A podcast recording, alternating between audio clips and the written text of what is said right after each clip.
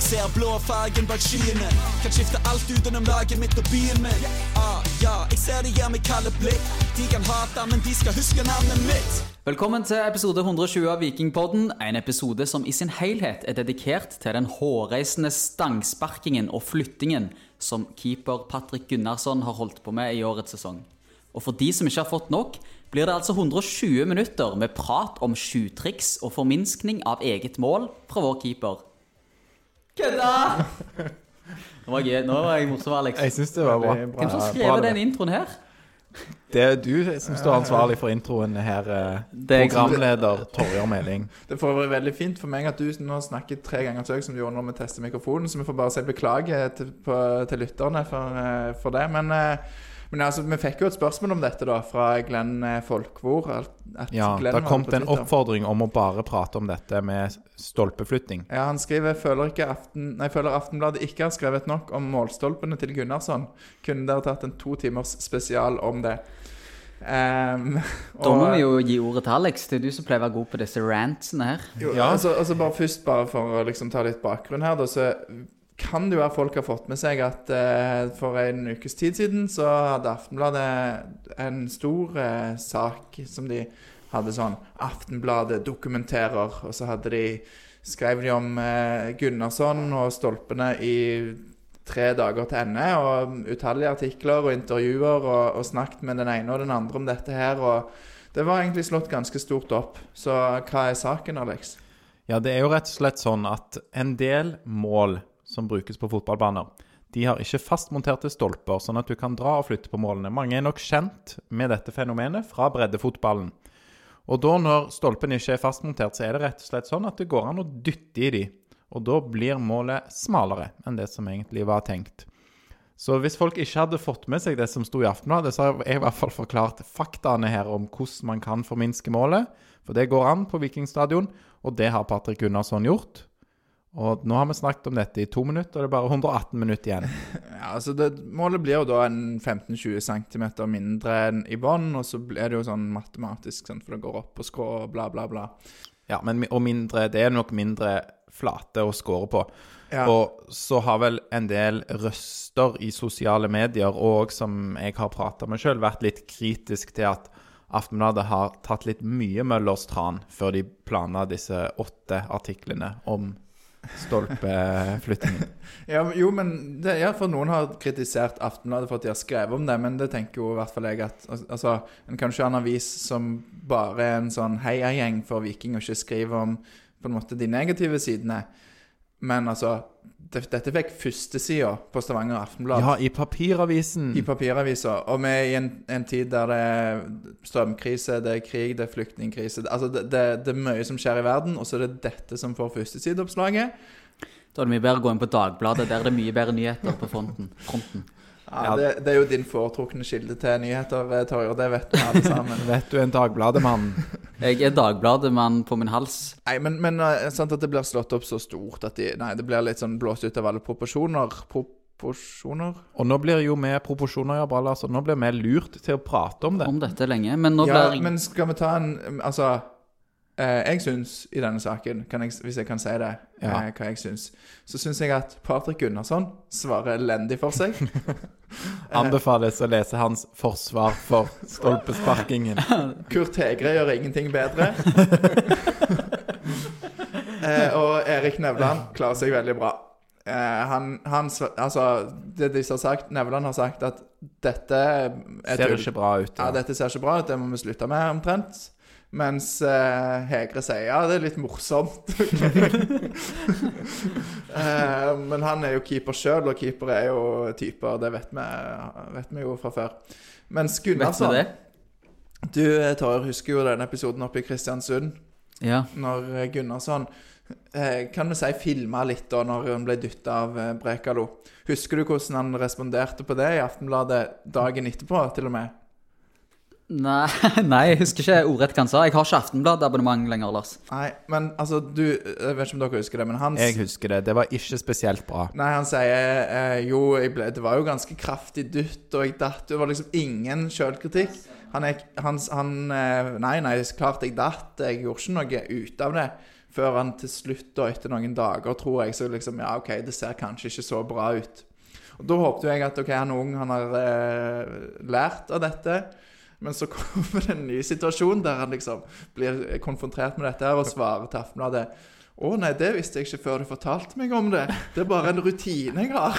Ja, han visste ikke at målet ble mindre av det han holdt på med. Kjempebra.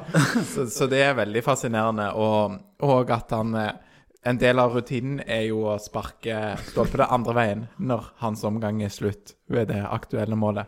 Ja. Ja. Nei, men det men kan jeg- være at det ikke er en rutine lenger, da.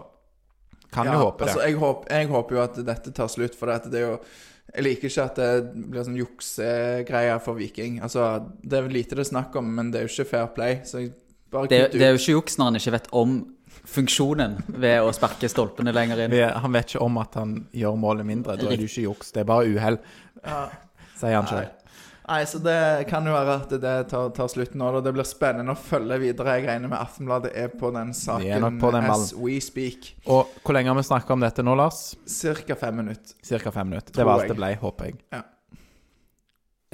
Eh, og da, eh, gutta, fikk vi fem Er vi ferdige nå, eller har vi Ja, nei, eh, vi er ferdige, og jeg syns dere leverte veldig bra. Gode svar. Og dere har Aftenbladet og har lest dere opp på saken, så det, det er imponerende, Alexander og Lars.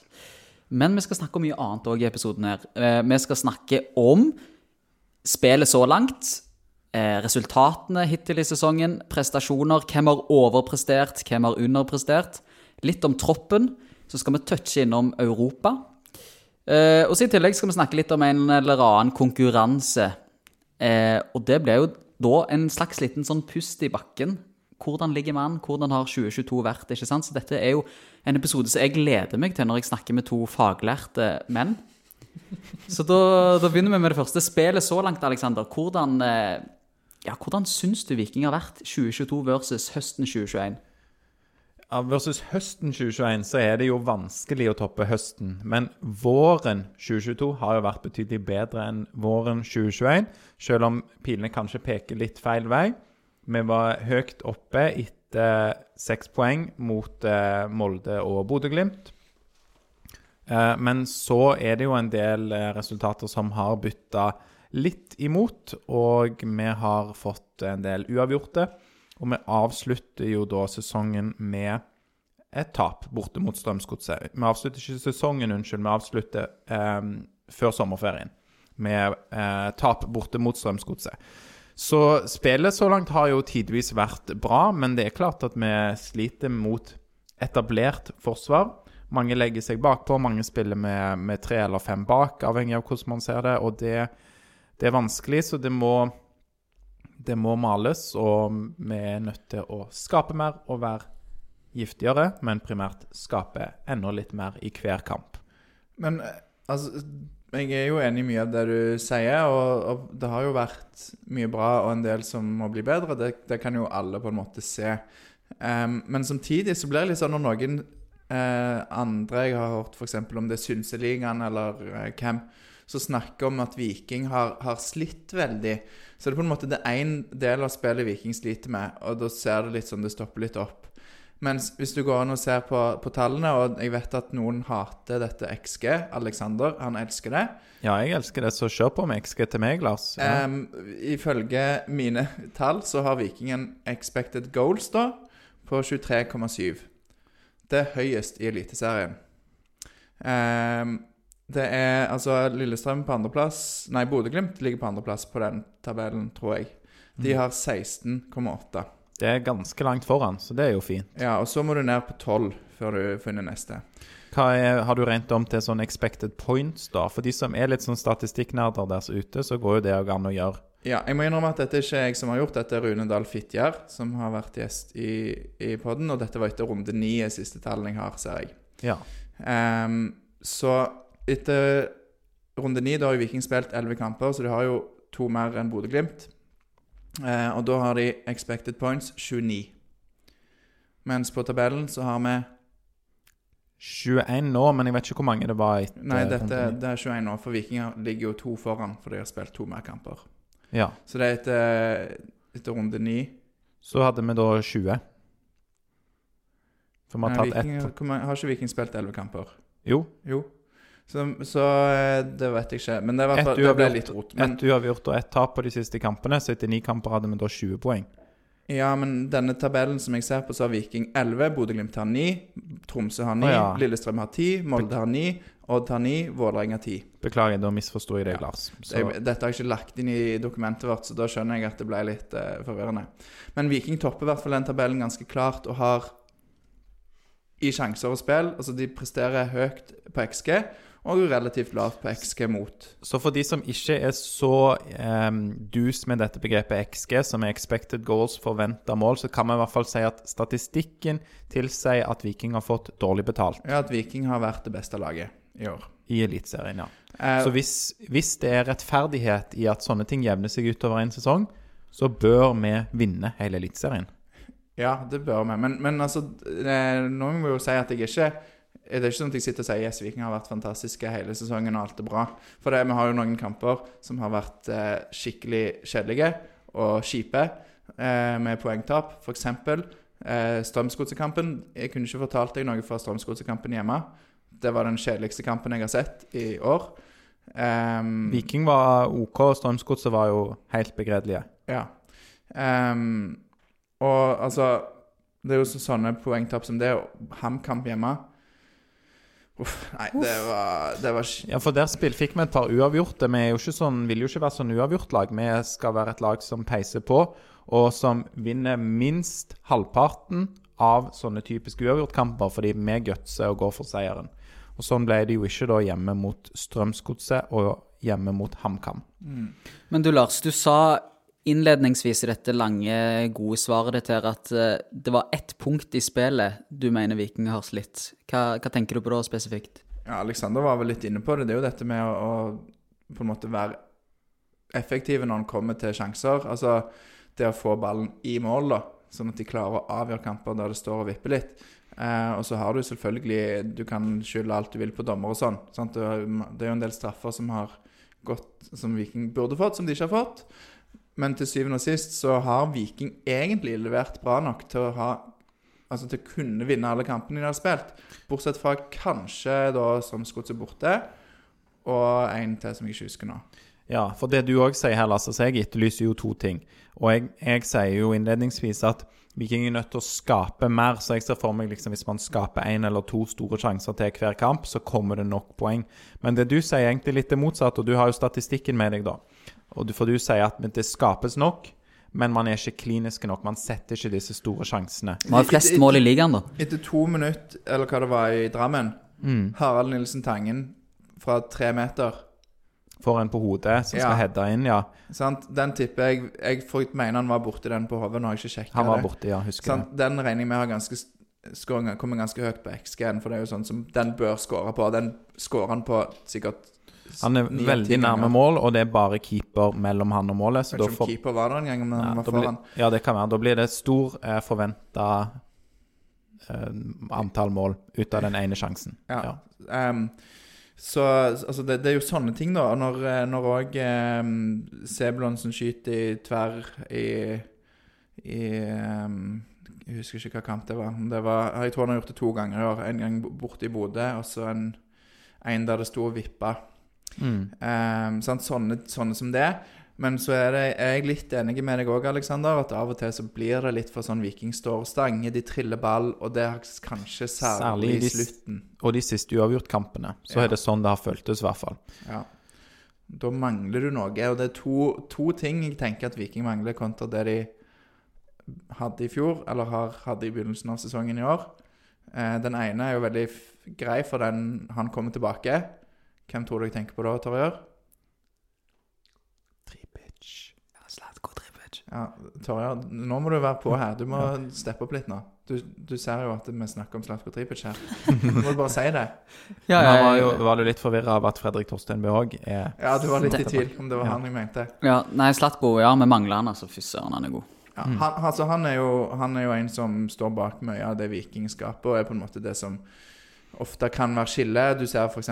første kampen mot Sarpsborg borte, så er det han som stanger inn det målet. Veton Berisha selvfølgelig, han er jo òg viktig. Mm. Og når du sier stangen, så mener du ikke bokstavelig. Han krangler han inn. Ja. Han stanger han med brystet, som jo en pleier å gjøre når han stanger. ja. Eh, nei, så, så han eh, håper vi å komme kjapt tilbake. Eh, vi savner jo òg Løkberg, som på en måte òg er en sånn der symbolspiller. Men jeg tror Tripic i den siste fasen er viktigere enn Løkberg. Selv om Løkberg har jo en del sånn offensive bidrag, han òg, altså. Løkberg er undervurdert offensivt. Jeg syns jo ofte han går på sånne løp som skaper rom og skaper ubalanse. da. Han, han, han blir litt sånn Han sånn, kan plutselig finne på å bare stikke inn i boksen. Mm. på en måte. Mer enn det Fridtjonsson f.eks. gjør. Ja. Absolutt. Det er fint i de indreløperposisjonene, eller de indreløperne vi har der. De er veldig forskjellige. Ja.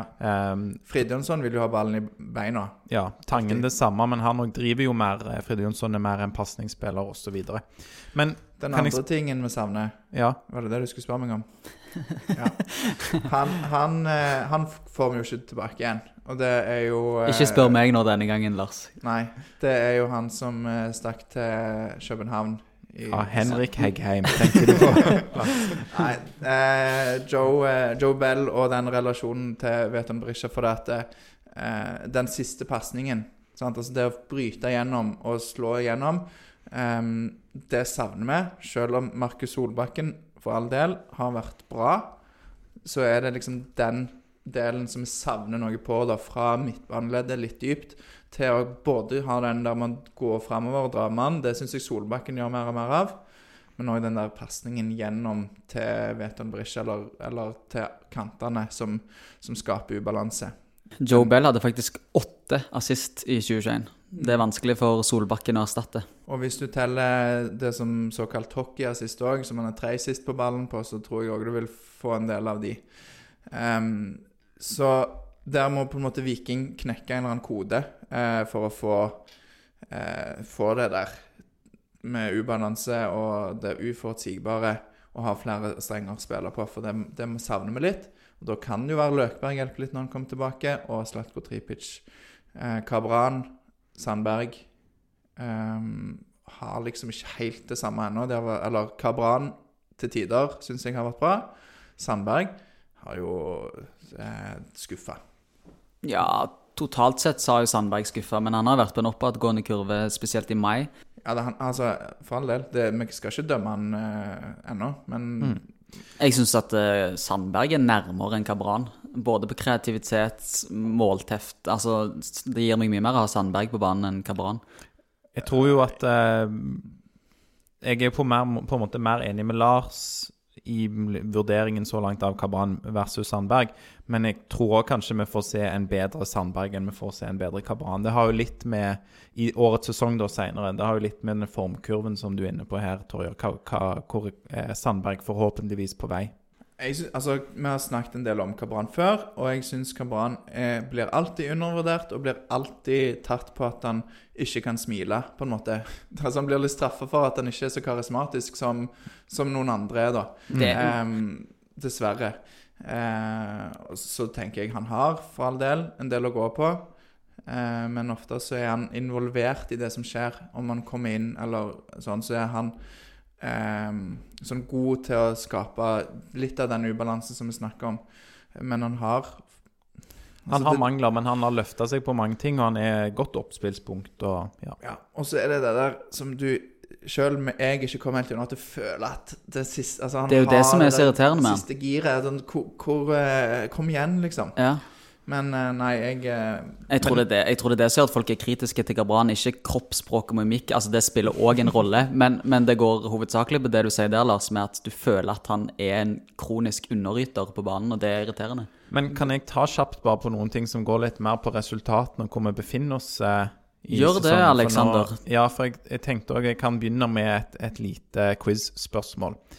Eh, vi har jo nå da 21 poeng i Eliteserien eh, 2022 etter 11 kamper. Hvis vi fortsetter med dette poengsnittet Torjar, vet du hvor mange poeng vi får da? Det hadde vært mye lettere hvis det var 22 poeng etter 11 kamper. Det hadde det.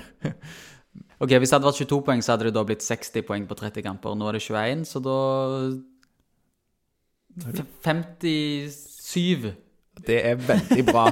Og, og, eh, og dette her er jo Leppelesing har alltid vært min, min nisje, Alex. Ja, men jeg syns du var bra, var bra på matematikken der. Og vi skal ikke bruke så mye mange poeng på det, men hvor, eller så mange minutter på det, men hvor mange poeng fikk vi i fjor?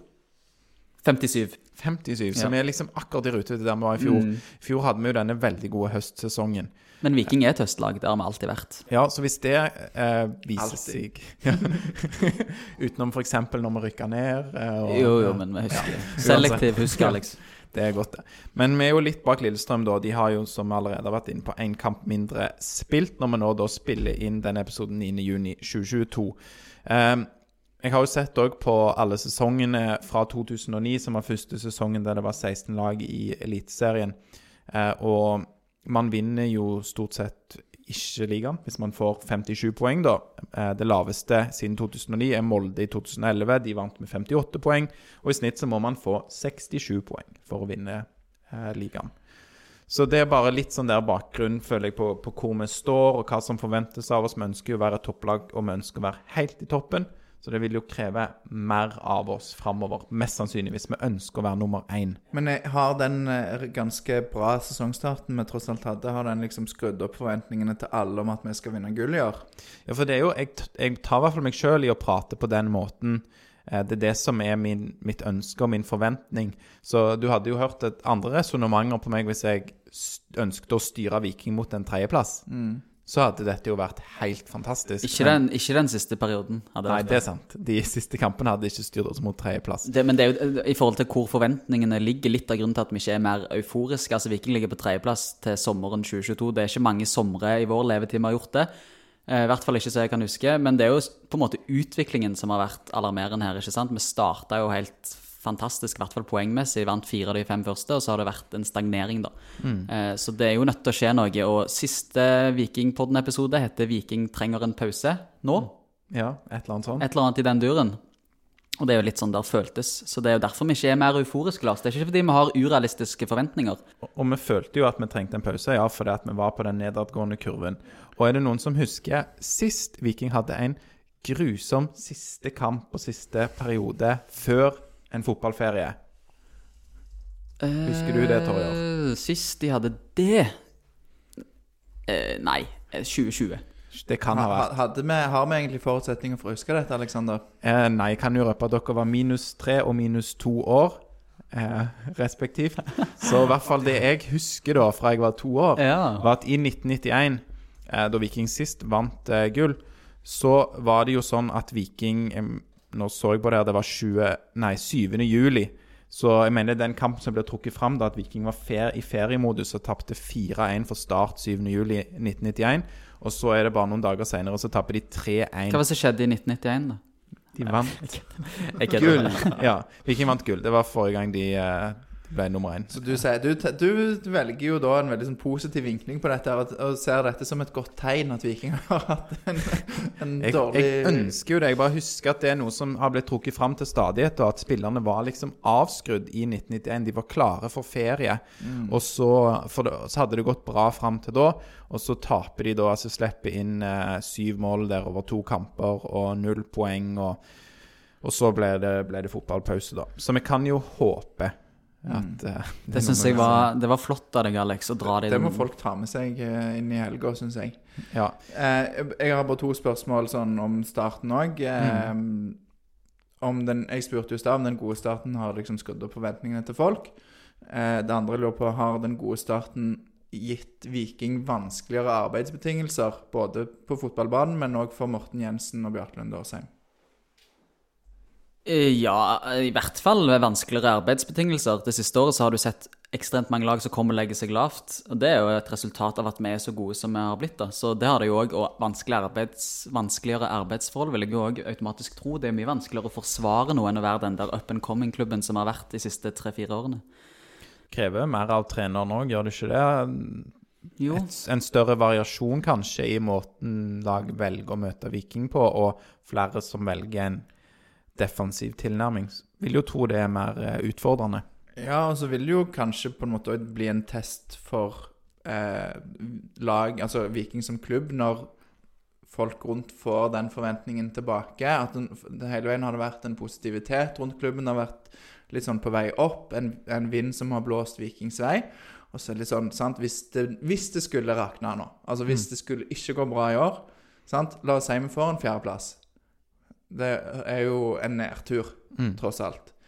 Sånn, så vil folk begynne å skrike på dette er ikke bra nok, Betty Jensen må gå altså, sant, det, altså, da, da begynner det å bli litt sånn negativt Er, igjen. og er du redd for her, Lars, at det er Viking, Så det er en test på hvor stabilt, eller hvor godt Viking står, da, tenker jeg. Altså, For det er mer press og mindre positivitet nå, i hvert fall til en viss grad, enn det det har vært, kanskje. For all del, det er fortsatt positivitet. Det er ikke det jeg mener. Eh, men ja, altså det kan jo bli sånn, for at, i og med at, som vi jo snakket om i stad, forventningene har blitt skrudd opp. Med, da, der forventningene var før, så ville vi akseptert kanskje mer at det ikke gikk så bra. Skjønner dere hva jeg mener? Jeg skjønner akkurat hva du mener. Ja. Og det som går opp, må òg komme ned, og det vil jo òg skje Viking på et eller annet tidspunkt. Det vil jo ikke vokse inn i himmelen, dette her. Og da må jo vi Viking-supportere vise at vi takler det bedre enn sist gang ting gikk nedover. Gjerne sånn fra 2012 og utover til 2017. Da var jo folk litt mindre mottagelige for sportslig motgang, og det fallerte i tilskuersnitt og alt. Så det må Denne gangen må vi stå, viking, stå med Viking i brask og bram. Ja, og så synes jeg jo òg at når det viser seg at de har kontroll på dette, og det går bra, det blir en god sesong, og Viking får noen gode år, så må vi vise at vi er gode på å være bra òg. At vi ikke blir sånn som noen andre supportergrupperinger har fått litt sånn rykte på seg for å være, da, syns jeg. Ja, det er det. Det er mange, mange gode supportere i, i Norge, men eh, det er enkelt jeg å bite Hvem, meg tenk, merke hvem tenker dere på? da? Hvilke farger de på drakten? Kan det være påskekyllingfarge eller noe Ja, sånt? Ja, men det er ikke Hundvåg, for å si det sånn. det er gult. jerv. Jeg trenger ikke si mer enn at det er Nei. gult. Men, Men det eh, siste spørsmålet Ja. Har den gode starten kamuflert Altså det at Viking har fått god uttelling på en del ting, selv om de, som jeg sa, de har jo hatt høy XG, tross alt. Men har det kamuflert noen problemer i laget? Skjønner dere spørsmålet? Nei, jeg skjønner ikke helt hvor du vil hen. Tenker du på det relasjonelle eller på fotballbanen, eller det mellommenneskelige på og utenfor banen Nei, nå, nå tenker jeg på uh, spillet. på spillet? Jeg tror du må svare på ditt eget spørsmål. Altså. Hva Ja, er det du please. Ja, nei, for, for sånn, altså Det har jo vært f.eks. hjemmekampen mot Jerv 16. mai. Det ble jo en fest. Men, eh, men hvis, vi, hvis jeg ser, når ser den kampen på ny, så er det sånn Det er 70 minutter før vi får en straffe. Jerv spiller med ti mann. Ja, det er et nyopprykka lag, og ja, Jerv var ganske gode den kampen. Altså, de, de spilte bra, men jeg mener jo Viking skal jo klare å få den ballen i mål før de, klarer, før de får en straffe. Altså, det var liksom det som måtte til. Og så er jo mitt inntrykk også at Jerv, for eksempel, for å ta det som en målestokk, eh, ikke har vært spesielt gode i sine øvrige kamper. Så da kan jo vi spørre oss er det Viking som gjør Jerv litt gode i den kampen. Nei, jeg bare litt sånn Jeg er veldig spent på, på fortsettelsen nå, for det eh, Jeg har hele veien vært veldig positiv, men de siste kampene så er det noe, en litt sånn usikkerhet her. For, fra mi, for min del, i hvert fall. Mm. Um, Og dette med bytt, altså sånn, byttene, Når byttene kommet? Hvem har kommet inn? Hvorfor gjør de de byttene? Det tok jo kjempelang tid i Drammen altså før de valgte å gjøre de byttene. Nå har jeg jo ikke det i hodet, men, men sånn fra supporter Vi vil jo sitte fra sida og mene alt mulig. Men jeg sa at hvorfor bytter de ikke i pausen? Sånn, Altså, det, det funker jo ikke, dette her. Få inn noen. Det får vi spørre eh, Morten og Batty om neste gang vi har de em, foran en mikrofon. Så har jeg bare lyst til å stille òg et par avsluttende spørsmål her fra min side, i hvert fall i denne bolken. Og det første spørsmålet er jo De tre lagene som ligger øverst på tabellen, er Lillestrøm, Molde og Viking. Hvilket av de lagene har møtt enklest motstand til nå i sesongen? Hvis du ser på tabellplassering Det er sånn jeg syns man kan gjøre det, da. For å Ja. vurdere hvor gode lagene er. Hva tenker du, Lars? Jeg hadde jo gått for Lillestrøm. Ja, ja. Helt klart. At de har møtt enklest motstand. Ja, ja, ja. Ja, de har faktisk det. For at de, de lagene de har møtt, ligger i gjennomsnitt på tiendeplass. Oi.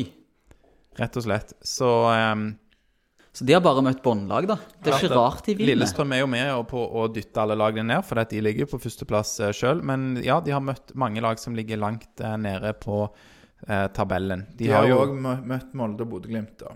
De har møtt eh, Molde Molde og Bodø-Glimt, og de har vel vunnet begge kampene der. De, de spilte uavgjort mot Bodø. Ja, uavgjort mot Bodø og vant borte mot, eh, mot Molde. Og så har de møtt begge de lagene på bortebane. Mm. Så det er jo veldig bra. bra. Jeg vet om et Eh, annet lag òg også har vunnet borte i Molde.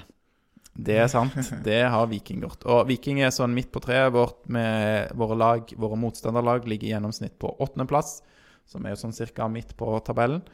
Og em, Molde har møtt den antatt beste motstanden, da. Men Molde, f.eks., har spilt seks av sine ti kamper på hjemmebane. Ja. Så det òg er jo sånn som kan tas med i Ja, det har vel Viking òg seks hjemmekamper, har de ikke det? De har jo har fått spilt- noen flytta fram. elleve kamper. Ja. og og Molde ligger fortsatt foran. Ja, så det er Um, sånn sett ikke så positivt. Og de har møtt litt bedre motstand, så det er jo noe å ta med da at Molde kanskje Jo, De har gjort det greit. Viktig å få sagt at uh, At det Viking har, som du tar å vinne på, vært gode på høsten de siste årene. Så det kan, altså det kan fortsatt bli, som Alexander tror, gull. Det kan fortsatt òg bli tredjeplass. Eller sjetteplass. Nei. Nei, Nei, det kommer litt an på Vi skal litt inn på det etter hvert. Men en ting jeg må si bare som jeg liker, iallfall når det går bra, det er jo at trenerne eh, snak- bare nevnte det med bytter i stad. At de er offensive og vil gå for seier, sånn som de da gjorde. Når det endte med tap i Skien eh, på en måte, da, da var det uavgjort, og så endte det med tap. Det er ett poeng tapt. Ja, det er kjedelig, men hvis de hadde fått, eh, fått det målet, så er det to poeng vunnet. Altså Ja, og Det er jo egentlig sånne kamper vi har lyst til å se mer av. Ikke resultatmessig, men hva vi evner å produsere. Ja, For vi vinner jo minst halvparten av de kampene ja. Så, på tampen. ehm, som ligger og vipper på tampen, mener jeg. ja, det, blir, eh, det blir spennende. Tromsø-kampen var jo òg en sånn kjipe, eh, greie. Men der, og der var det rart. Der tok de ut Veton. Ja, det var det jeg skulle si. Altså, du har eksempler på det motsatte òg, der de setter inn Vikstøl for Berisha. For Jeg vet ikke om det er fordi Berisha er sliten, om det er pga. et tett kampprogram, men de setter inn Vikstøl for Berisha. Og så skårer Brekalo selvmål, som gjør at Viking taper to poeng. Ja da, men, jo, men Ja. det, er jo, det er jo eksempler på at akkurat det med byttene Ja, de er modige, helt enig, men de er av og til så har de òg ting å lære. Og det har jo skjedd et par ganger. Det var jo selvmål oppe i Tromsø, og det var selvmål mot HamKam. Og det er klart at det er litt, det er litt uheldig, men samtidig så har det jo noe med å gjøre litt som du er inne på, Torjer. Du har tatt ut Berisha. Eh, Det resulterer i at spillet blir lenger inn på Viking sin eh, banehalvdel, og da får man de situasjonene. Hvis Viking eh, lykkes med sitt høye press, lykkes å ha ballen i laget, ja, da får man ikke innlegg fra liksom to meter eh, som går eh, via Brekalo og i mål. Hvis jeg eh, skal være litt ansvarlig her nå, at nå har vi jo snakka ganske lenge om hvordan vi opplever spillet så langt, og så har vi lyst til å komme i mål med alt vi planlegger å snakke om i løpet av de neste 30 minuttene. Så da tenker jeg at, vi kan, eh, at jeg kan tas videre til troppen. Hva, hvordan analyserer vi troppen til Viking nå? Bra du stiller et sånn veldig snevert og ja, jeg, jeg, spørsmål kan jo som er raskt. konkretisere det litt, da. Ja. er det Nå har du, Alex, hvis jeg har skjønt det riktig, snakka med Erik Nevland på telefon før vi spilte Eller før vi nå gikk inn i studio og spilte inn denne podkasten. Ja, Hva, har- hva gikk samtalen ut på? Hva Ja, først så um, Spurte du kan du analysere troppen? Nei, jeg gjorde ikke det. Som en god be, du er en hobbyjournalist bedre journalist enn meg, Som en god hobbyjournalist så styrte jeg unna det spørsmålet. Nei, em, Erik Nevland var jo på hytta og gjorde seg òg klar for en sånn middag med Lurer på om det var noen sponsorer eller noe sånt. Jeg lurte først på om hele laget skulle ut uh, på middag på en fin sånn uh, lokal feriedestinasjon. Det var det ikke. Så fikk jeg òg avkrefta at Erik Nevland jobber hardt med Mods-konserten. Eller konsertene som er nå i morgen 10. juni og på lørdag 11. Så det var jo, tenkte jeg var litt fint for han, for jeg har skjønt det sånn at Eirik Bjørne f.eks. har en finger med i det, og de stresser litt pga. det. Så det handla ikke om troppen. Da fikk du svar på det òg, Torjer. Men det jeg fikk svar på, i hvert fall, er at eh, de er mm, ganske reaktive, som var et ord som jeg spurte konkret om da, eh, og det bekrefter Erik Nedland at de er, i det neste overgangsvinduet. Det vil jo da si at eh, spillere inn eh, kommer det kun hvis det går spillere ut. Det var i hvert fall det han eh, sa til meg. Sikkert ikke skrevet i stein, det heller. Men eh, altså hvis Valon Berisha vil hjem for null kroner og tjener 600 000 i året, så signerer de han sikkert. Men eh, sånn som det ser ut nå, så er det på en måte det, hva større klubber i utlandet vil med Viking sine spillere, som kommer til å påvirke. Og det har med penger å gjøre, sier han. Og så sier han òg at det har med antall. Hvor mange de rett og slett har i troppen og garderoben. Det er en ganske stor tropp, og vi har jo fått spørsmål eh, på Twitter om dette fra eh, Asle Kvinnesland og Bo Barstad. Eh, De spør litt forskjellig, men det handler om Viking, bør Viking forsterke troppen eller sitte stille i båten så lenge in- ingen forsvinner ut. Og begge to lurer på hvilke eh, hvor er behovet størst, eller hvilke posisjoner bør de forsterke. og Det kan jo vi synse litt om da, her. Nevland sier jo at de, de avventer og ser. Så det betyr at de sant, Vi har jo snakket mye om dette skyggelaget, så de har jo en liste over spillere som de følger og har liksom oversikt over situasjonen på. sånn at hvis det skjer noe, så mener de i hvert fall sjøl at de har ganske god kontroll. Men la oss si at vi satt med pengene og ikke trengte å tenke på troppsstørrelse. Vi ville bare vinne gull med Viking. Eh, hvor er behovet størst? Hvor, hva syns vi? Høyrekant. Er du enig, Alex? Ja, jeg er Nikking enig. Ingen dårlig podkast, Alex. Det var egentlig bare for å oppfordre Torjer til å si litt mer Ja, jeg kan godt si eh, mer om det, men det, det ble jo på en måte Litt innlysende. Ja, litt kanskje. innlysende. Altså, jeg syns ikke på en måte at Sandberg har levert godt nok på høyrekant til nå.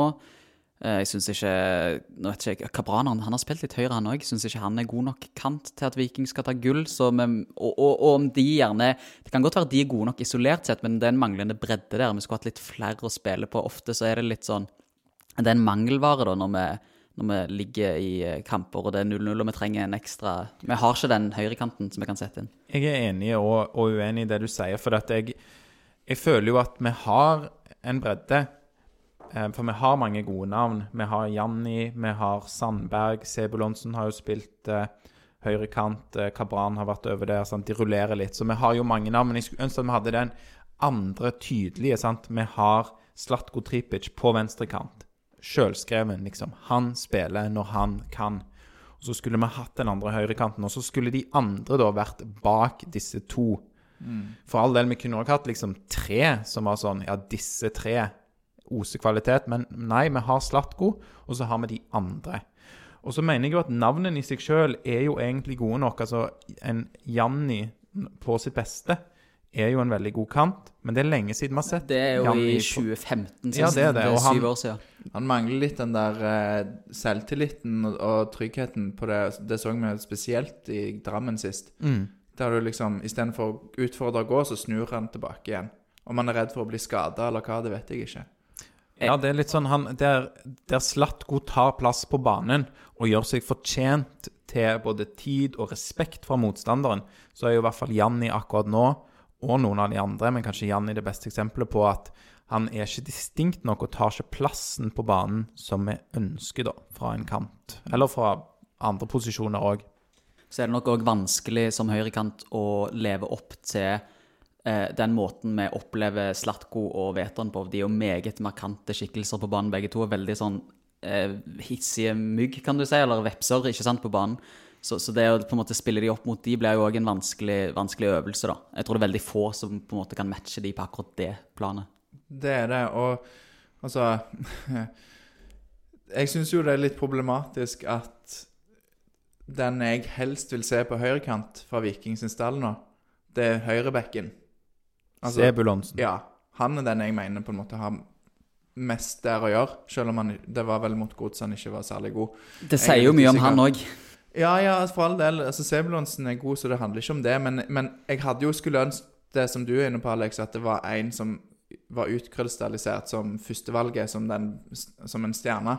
Eh, og så savner jeg kanskje òg litt at du har en som jeg har noe som de andre ikke har. F.eks. Eh, i, i troppen i dag, som jeg ser det, så er det ingen som er lynraske. Altså det er ingen som eh, som har vist i hvert fall at de har den der til De kan drible fem mann i en telefonkiosk, som vi pleide å si før. Telefonkiosk, det var sånn som fantes i gamle dager. Um, Når du var ung. Men, eh, men sant, skjønner dere hva jeg mener? Du, du har liksom, ja, sant, men han har ikke vist det ennå. Og, og han er jo skada, så han er litt ute. Men så kommer han forhåpentligvis sterkt i høst. Ja. Så jeg håper jo for all del det. Men jeg savner litt sånn den der Du kan hive inn han, og så er det sånn Å, så spennende. Det er liksom Jeg skjønner hva jeg mener. Ja, Jeg skjønner hva du mener. For Jeg, Viking er solid, men du har litt lite av de der òg. Og yes, nå kommer han. Karlsbakk har ikke vist det helt ennå. Han har litt av det. Mai Traoré Nja jeg syns han er på gang, da. Ja, han er jo på gang. Jeg vil alltid ha en han. Men han er ikke noe høyre kant. Ikke høyrekant, han kom vel inn på venstrekanten mest òg. Han har ja. kommet inn noe spiss. Ja. Litt, men, men altså sånn det, det er nesten sånn når, når Viking spilte mot Rosseland i cupen da Når Edvin Austbø kom inn, så steg jo forventningene litt, og du var litt spent på hva er dette. Og så gjør han jo Mm. en kjempeprestasjon der. Så jeg savner litt den der og, altså, skjønner du den der forventningen om, Ja, ja. om en spiller som, som bare kan gjøre det ekstraordinære. Det er jo òg noe med hva skal jeg si, bredden i de som kommer bak. For du nevner Karlsbakk, du nevner Traoré. Så har du eh, Simon Kvia Egeskog. Han har spilt mest indreløper, er det det, når han har kommet inn? Men han har ikke vært så mye på banen i år. Har han du, vært på banen i år i det hele tatt? Jeg tror ikke han har spilt I i år. var han vel. ja.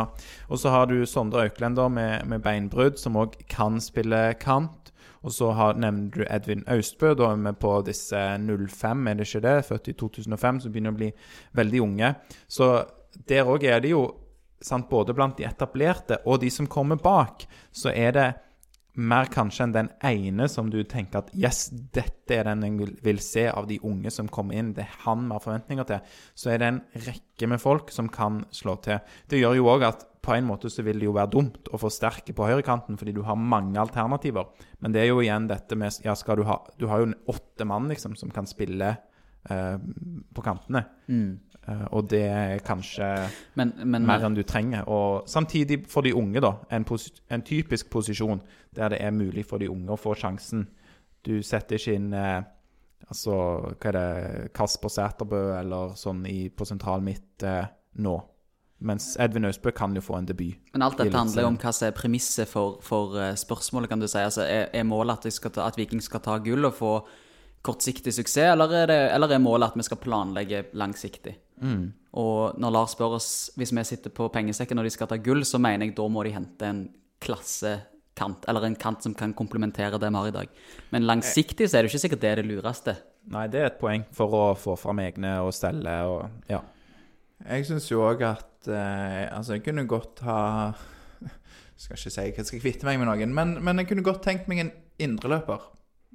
En, en, et godt alternativ på- indreløper, for det at nå har du eh, Ja, du har Løkberg, du har eh, Tangen og Fridjonsson, som er de som har bytta på å spille mest. Eh, hjelp meg. Eh, Auklend kan spille der. Sebulonsen har vært innom eh, der òg. Men han er jo egentlig en, en indreløper. Det er den ble henta som, men nå er det jo først og fremst back, vel. ja. Um, men sant, der har du Jeg syns det er noe forknytt over Fridjonsson til tider. Han, har, han, han viser glimt eh, Egentlig alle viser glimt av ting. Men du, liksom den der solide Litt sånn som Løkberg. Bare Ja, ja, for vi har jo vært inne på det, sant. Ja, Løkberg har selvfølgelig sine begrensninger som fotballspiller, men han er god til mange ting, og han er god til å komme i posisjon, han kommer til å skåre mål. Eh, og så er det Frid Jonsson, som du er inne på, Lars. Eh, Pasningsspiller, vi nevnte det allerede. Men Løk er jo ekstremt hardtarbeidende, lojal og disiplinert. Og en er type. En type, ja, på banen. Og Frid Jonsson har ingenting av det. Nei. Altså Litt bedre. Ja, men han er fortsatt sånn Han har defensivt så Han har slurver blitt bedre, For ja, det eksempel kan før eh, Nå husker jeg ikke hva Men det var et av disse målene i Drammen der jeg skrev til dere Se på han når jeg lå syk. Se på han, og dere kommenterte det ikke i poden. Om det var før innlegget. sant? Altså, Han står tre meter unna og lar Wilsvik eller hvem det var, slå det innlegget. Altså, Gå opp i mannen og stopp han, da. Mm. sant? Altså, ingen av det der Det, det, det er liksom det der instinktet bare Jeg skal stoppe han. Han skal ikke forbi meg. Og det er jo et problem òg, venstresiden til Viking. Eh, siste kampen vi spilte, borte mot Strømsgodset, var utrolig dårlig. Og ja, Frid Jonsson, som du sier, Torjer, har blitt bedre, men det nytter ikke å være bedre i fire av fem situasjoner. Du må være disiplinert og, og eh, lojal i alle de situasjonene. Så 80% er ikke godt nok. Nei, men, eh, så, altså, men det er en, i, i troppen som Viking har nå, så er det kvalitet nok på en god dag til å, til å vinne alle kampene i Eliteserien. Eh, men når Tangen har en middels dag og Fridtjonsson har en dårlig dag, så, så kan vi tape og ligge under 3-0 til pause.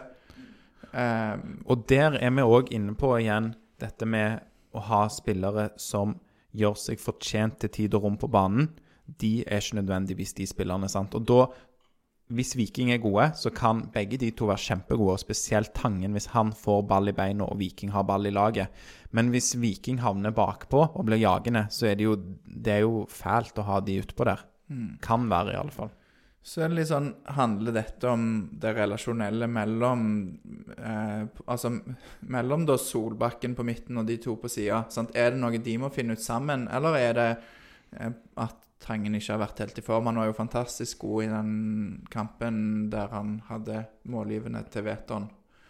Eh, en av de første hjemmekampene. Ja, Der vi Ja, snakker nå- med han, og han, han eh, herlig ydmykt sier at uh, Ja, den pasningen er det ikke så mange som, uh, som gjør. det var vel mot Haugesund. Ja, det kan, det kan stemme. Men sånn, altså, så han har det jo. Han har det i seg, men det er liksom det der å få det ut. Og hva har det med å gjøre? Er det, er det det relasjonelle, eller er det rett og slett han sjøl? Mm. Så ja. Men, men en case eh, som har vært eh, synlig den siste måneden når Viking har hatt, eller møtt på litt motgang da, etter en fantastisk start, det er jo dette med at både Løkberg og Veton har vært ute.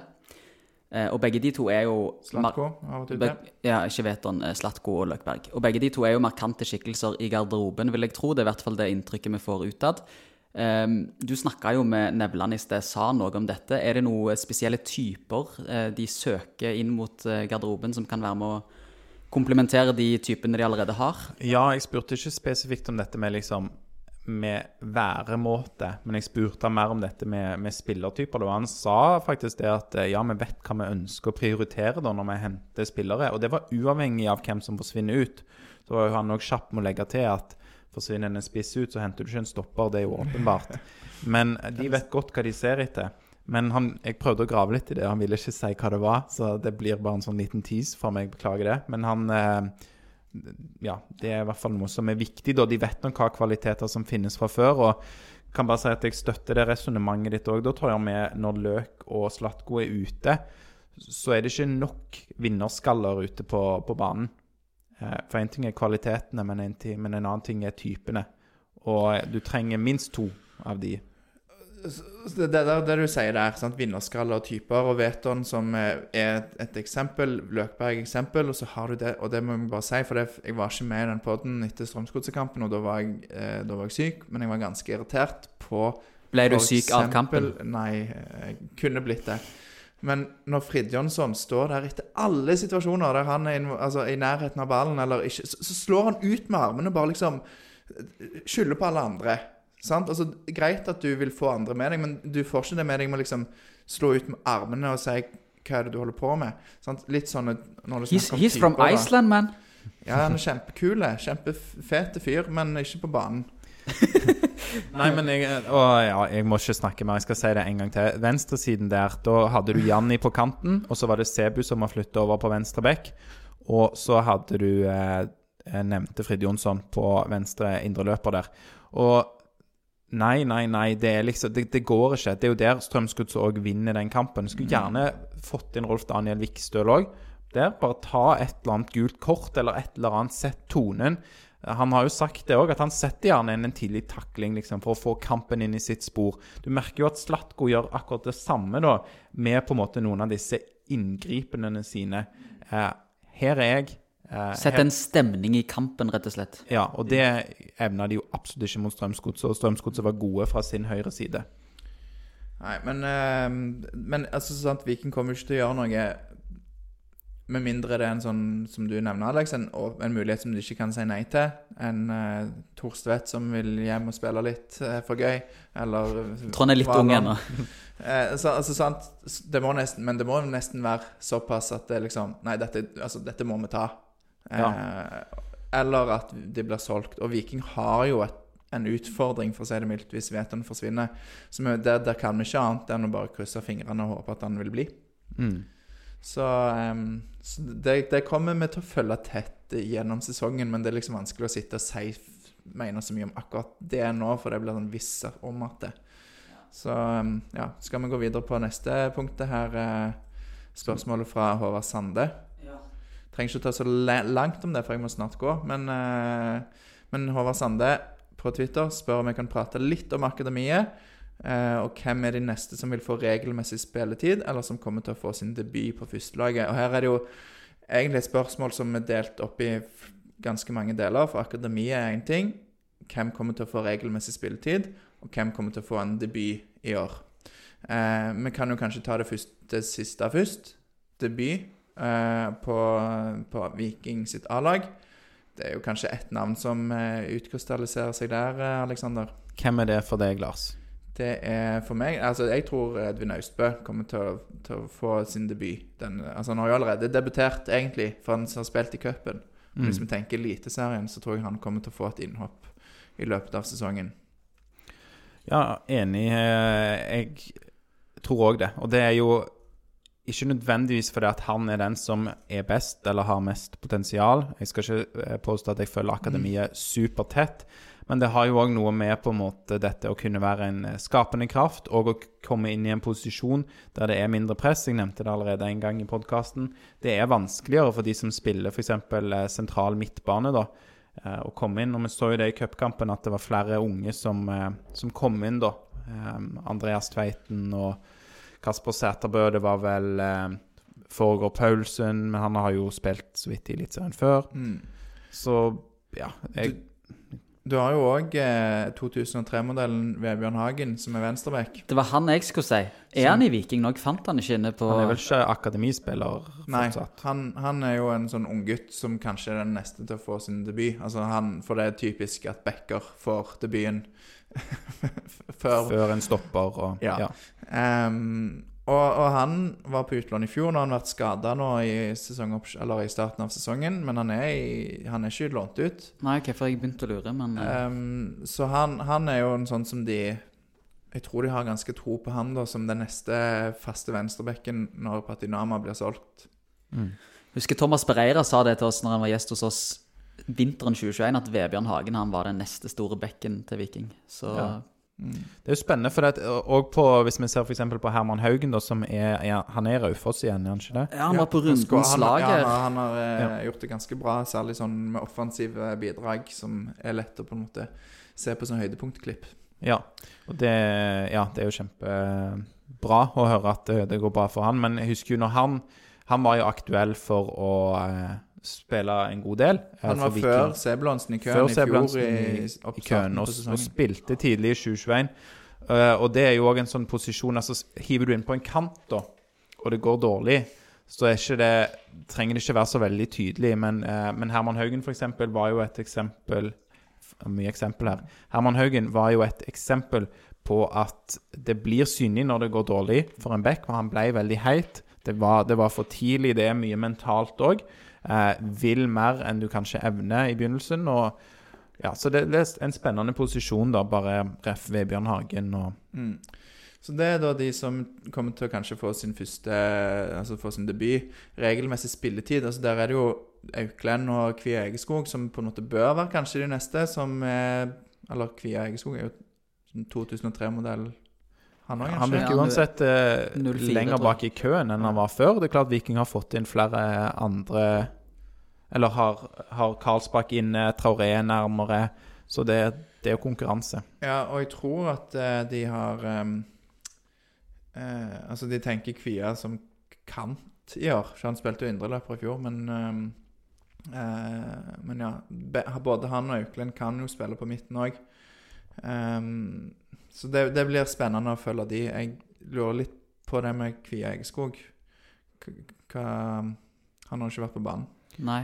Men han er jo heller ikke en spiller som eh, tar mye plass og Du husker jo når han kom inn i, i Tromsø for eksempel, i fjor, og han hadde en del innhopp i fjor.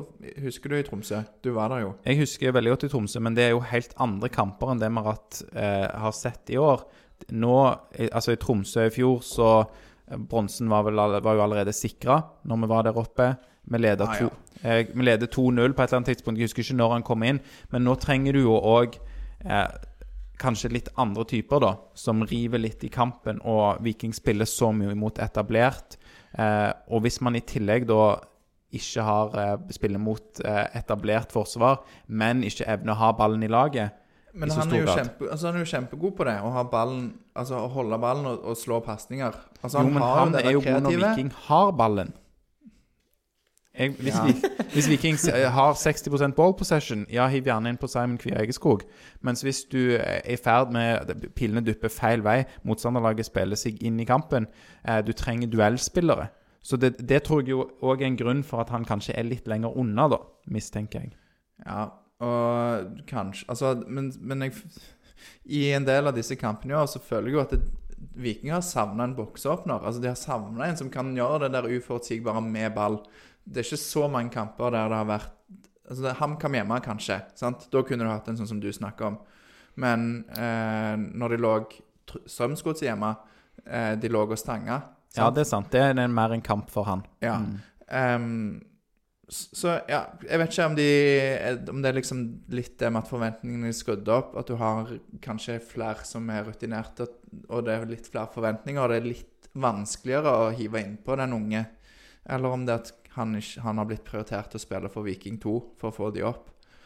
Um, Du sier, Lars, at Viking mangler en bokseåpner. Eh, Asle Kvinnesland spør på Twitter om Viking bør forsterke troppen i neste vindu, eller om vi bare skal sitte stille i båten enn så føler lenge. vi har snakket litt om det, egentlig. Du nevnte det spørsmålet òg, gjorde du ikke det? Lars? Jo, jeg nevnte Asle Kvinnesland og, og Bo Barstad. Eh, så eh, ja, altså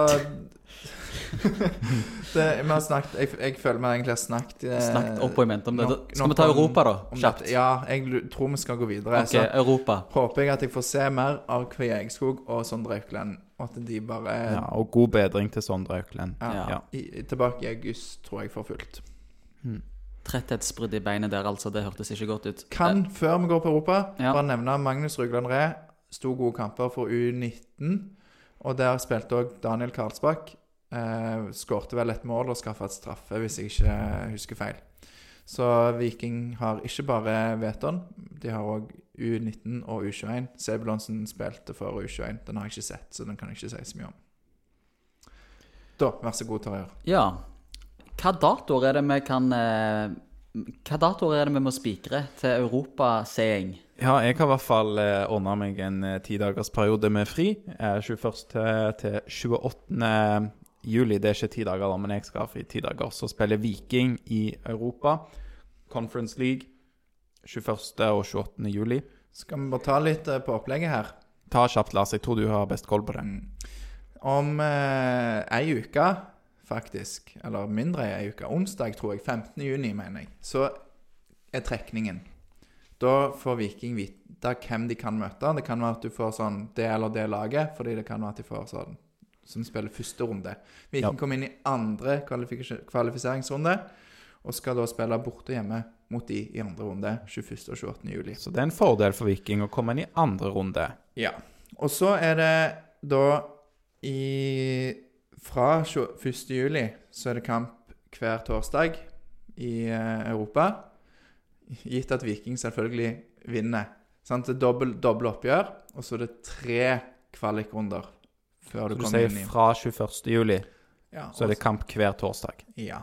Opp Til til da den 15. august, eller hva det blir. 20, 20, nei, 25. Ja, samme det. Altså det Så opp til seks torsdager på rad for Viking. ehm, og, og så, Mange kamper. Mange. Viking må jo da vinne tre dobbeltoppgjør, og de kan risikere å møte ganske gode lag. Eh, i første, allerede første kampen de må spille, så kan de risikere f.eks. møte AZ Alkmaar, som vel var i Var det de Bodø-Glimt slo? I kvarten. I årets utgave av Conference League, altså 21-22-utgaven. Ja. Eh, så altså, du, du, du kan møte gode lag allerede fra start her. Viking er det som heter usida, så det betyr at de blir trukket mot lag som er forventa å være bedre, kort forklart. Um, Men det som kan være litt forvirrende her, er at noen av disse lagene som er forventa å være bedre, de går inn i første kvalifiseringsrunde. Stemmer ikke det, Lars? Jo, jeg tror det. Jeg, jeg tenker vi skal ikke ta for mye om, om denne sidingen, for det syns jeg òg er forvirrende. Men, men hvis jeg har forstått det riktig, så sant, hvis et lag slår et lag som er sida i første runde sant? Et, La oss si at eh, La oss ta et helt tilfeldig lag, da. FC Honka f.eks. møter AZ Alkmaar, og AZ Alkmaar er sida. Så vinner, Alkmaar, nei, så vinner Honka mot Alkmaar. Og Honka fra Finland, som er et dårlig lag, får da seedingen til Alkmaar. Så de møter et usida lag.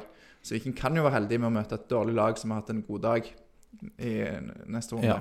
Så kanskje det, hvis det var vanskelig for lytterne å følge, så kan vi si at Viking kan være heldige og møte dårlige lag som har hatt en god dag, som du sier det så fint, Lars, eller de kan møte veldig gode lag. Ja, og sant, det er jo veldig varierende kvalitet på de som er side òg, så det blir litt sånn Det finnes en fin oversikt på dette. Aftenbladet hadde en sak i går, tror jeg, og vi har delt en link eh, fra vår Twitter-profil, i hvert fall, eh, til en som har lagd en mye ryddigere oversikt enn det vi klarte nå. Footscalc heter han på Twitter. Skal du reise på tur da, Lars? Jeg reiser ikke hvis det blir sånn i Baku eller uh, i Israel eller uh, sånne veldig langt vekke, for det at eh, jeg, jeg er lærer, så jeg har ikke liksom skyhøy lønn, så det er litt vanskelig å liksom Men alle lærere har masse fri.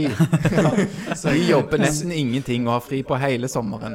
Men det er jo fint hvis trekningen er 15. juni, så har jeg jo tid til å komme meg ned på Altså kan sykle eller eh, sant? Altså, Det er jo mange billige måter å reise på. Ja, For du har heller ingen andre forpliktelser, så det var fint å høre at du kan sykle til Baku. Ja. Nei, men det, jeg håper jo at det blir tur, så eh, at vi kan reise sammen. Så, eh, så vi får se. Jeg vet at du, Alex, du har jo satt av eh, Ja, Jeg har ikke satt av så veldig mye penger, så jeg håper òg på Alex har sånn i motsetning til Lars meget god lønn. I, ansatt i staten, vet du. Staten, vet du. Det er stat og kommune. Det er Gullgru, Gullgruva er det, begge deler. Men eh, ja. Du får vel stipend omtrent da, Torje? ja, jeg reiser, jeg reiser kun hvis det blir i Asia. Asia. Det er ikke sånn. Nei, jeg er Baku er vel nesten Asia. liksom. Men, det, kan bli, det blir veldig spennende. Jeg gleder Og, meg masse. og det er jo noen i Altså, det kan bli København, det kan bli Er det Edinburgh, det kan bli de baltiske landene, så noe som er litt mer sånn innen rekkevidde, og kanskje ikke kjempedyrt å komme seg til. Og Så når det, du sier København, så er det jo et lag der nede som klarte å kvalifisere akkurat klarte å kvalifisere seg med å vinne én kamp etter å ha tapt åtte på rad ehm, i vår. Og det er et lag der vi har noen gamle kjenninger, Torjer. Ja, Joe Bell, Henrik, Ber Henrik Berisha, ja. Henrik Heggheim og Joe Bell. Tenk å møte de og slå ut de i europasammenheng. Det ville vært vet du hva, jeg har ikke lyst til å møte de, jeg har ikke så lyst til å reise til København og se kamp. Jeg vet mange gjerne vil Brønnby, men jeg vil gjerne reise et annet sted, her i Skottland. Jeg syns jeg har vært kult Noe sjøl. gale med Danmark, liksom. Ja, er så mye i København, vet du. Så, Ja, jeg er der jeg hele tiden. Og. Jylland, Jylland er jo bedre enn Kielland sånn, så det Ja, jeg vil ikke dit. Men, ja, men um, men en kan jo òg tenke kynisk på det, at Viking bør, altså, Viking bør håpe at Brønnby gjør det bra i Europa og kommer lengst mulig, sånn at de kan få masse penger for Henrik Heggheim og Joe Bell. Så Ja, litt sånn ambivalent er vi jo til det, for de har jo tradisjon for å hente våre spillere. En slags tradisjon, i hvert fall. Og um, sånn sett så Vi får tenke på det som en vinn-vinn, da. Enten får vi penger, eller så får forhåpentligvis Brønnby mindre penger og kjøper ikke våre spillere. Sånn. Det var fin avrunding. Skal vi ta bitte litt om konkurransen før vi gir oss Ja, konkurransen i denne gangen så er det jo en konkurranse vi har hatt, eh, som vi ikke annonserte, for at eh, jeg la bare ut på sosiale medier eh, 17. mai. Så det er jo snart en måned siden, men så har jeg vært litt syk og litt vekke, eh, så derfor har jeg ikke fått tatt Du må være litt mer på som konkurranseansvarlig i Vikingpodden, Lars. Ja, eh, jeg, jeg regnet jo med at dere bare skulle gjøre det uten at jeg trengte å si noe, men her må jeg tydeligvis Sånn er det når man jobber som lærer. I alle andre skal- yrker så er det ikke sånn. Da må man gjøre jobben sin sjøl. Ja, men det er sånn på læreren. Hvis du vil ha noe gjort, så må du gjøre det sjøl. Nei, vent litt. så jeg er veldig gode kollegaer, veldig fornøyd med de, altså, bare så det er sagt. Det var fint. Ja. Eh, nei, men der la jeg ut et bilde, et veldig fint bilde av meg og Aleksander og Torjer. Eh, bortsett fra at en av oss ikke var til stede. Eh, jeg syns det var en utrolig god Photoshop-jobb, om jeg skal si det sjøl, der det så ut som Torjer var på denne, dette arrangementet. Men spørsmålet var hvem var redigert inn? Og det var deg, gjøre, For du er jo student, så du kan jo ikke drive med sånne gøye ting i mai. Nei, jeg, var, jeg øvde til eksamen, jeg, da, så jeg var ikke med deg, Aleksander. Eh, men det var jo ikke alle som trodde det var meg, da. Det var mange som trodde det var Aleksander òg som var vekke. Det har jeg ikke sett en eneste som har svart. Det var noen som skrev det direkte til meg på Ja. På melding. De sendte en egen melding til deg og sa de tror det. Jeg tror det er Alex som er vekke. Veldig bra. Nei, men eh, det var noen som mente at det var Johnny Stensnes. Eh, det, og Torleif Lillebud mente det var Julian Ryerson. Eh, og så var det en som heter Arild RMZ, som eh, fyrte løs mot at du, Torjør, nesten aldri gidder å være med i poden. Eh, og var litt trist for det. Så det var litt kjærlighet i det likevel, da. Har du noe å si? Det var han trist for det, sa han. har, du har du et tilsvar til den? eh, det er jo bare fullstendig løgn. Jeg, er jo, jeg har vært med på alle de siste seks-syv episodene nå. Meg og Alex har jo kjørt dette showet her nå i en måneds tid. Bortsett fra godsekampen. Ja, ja. Nei da, men jeg, jeg, jeg tar sjølkritikk der. Og hvis Arild Rems eh, syns jeg er for lite med, så kan jo meg og Arild Rems lage en egen pod eller et eller annet. Nei, nei, nei. nei. Som, som et eh, Kanskje dette er rams når jeg tenker meg om. Men uansett, som et plaster på såret, da, så kan jeg jo annonsere det at eh, han er en av de tre som jeg helt tilfeldig trakk i en sånn trekningsgenerator som jeg har Helt på jobb. Det hørtes ikke så tilfeldig ut, hørte jeg når jeg sa det, men det var helt tilfeldig. Alexander var der, så han eh, kan bekrefte dette. Sikreste kilden jeg vet om Sure. Alexander Eilertsen. Sure, Han er jo kjent for å være veldig streng og, og nøye på ting, så, han, så her er det gått riktig for seg. Ja, vi vi får bare stole på deg, for det, jeg fulgte ikke så nøye med på den trekningen når du gjorde den. I tillegg så har, vi, har jeg trukket at Alexander Sehl fra Instagram skal få, og Joakim Augestad fra Facebook. Så gratulerer til dere. Jeg sender melding til dere direkte. Så de får en fantastisk fine Vikingpodden-T-skjorte som de kan pynte seg med. Levert av D2 sommeren. Merch. Levert av D2 Merch. Alle dine merch-behov får du dekka gjennom D2 Merch, så google det hvis du skal få trykt opp noe klær sjøl. I. Stavanger-regionen. Korrekt. Nå ser jeg at jeg må springe fra dere, så da, da tar dere bare den siste bolken sjøl. Så sier jeg heia Viking og går. Er det greit, Det er helt i orden. Vi Takk. er jo på vei mot å avslutte, Torjer, men eh, Viking har jo pressa inn en treningskamp, rett og slett. Ja, det var nytt for meg. Men Du har jo i hvert fall blitt invitert av Lars Læron på mandag til å være med på forskjellige kamper. Ja. Og nå kan du òg vite at Viking skal spille en treningskamp mot Sandnes Ulf om Mm. to dager. Ja. Eh, ryktene sier at denne er to ganger 30 minutter. ja. Det er jo et litt rart konsept, da. Ja. så er det, i Sandnes eller i Stavanger? Det er på Østerhus Arena. Å nei, da tør ikke jeg reise der. Nei, ok. Men eh, det er i hvert fall 11. juni, så går det an å se Viking i en treningskamp mot eh, Sandnes Ulf. En kortere enn vanlig kamp. Så får vi se hvordan det er. Viking og Sandnes Ulf på speed, på en måte. Ja, det blir litt det. Ehm, jeg er litt usikker på om jeg får med meg den uh, sjøl, så derfor så sender vi deg på vegne av podden. Ja, det er greit? Ja. Da vet dere hvor jeg er hvis ikke dere hører ifra meg igjen. ja, da er du lost i skogen der ved Østerhus Arena. Og så gleder vi oss òg til Ja, Sandefjord er jo 19. juni, ti dager til. Den hadde jeg fått med meg, og den gleder jeg meg enormt til. Ja. Hjemmekamp mot Sandefjord. Så jeg tror ikke vi skal si så mye mer eh, om det som kommer, enn at vi, det er Gleder en oss. treningskamp og en offisiell kamp etter det. Ja, og at vi gleder oss, og at vi håper på en positiv utvikling. At Viking er et annet lag enn det de var de siste fire kampene. Det håper vi. Så da Sier vi én, to, tre. Heia Viking!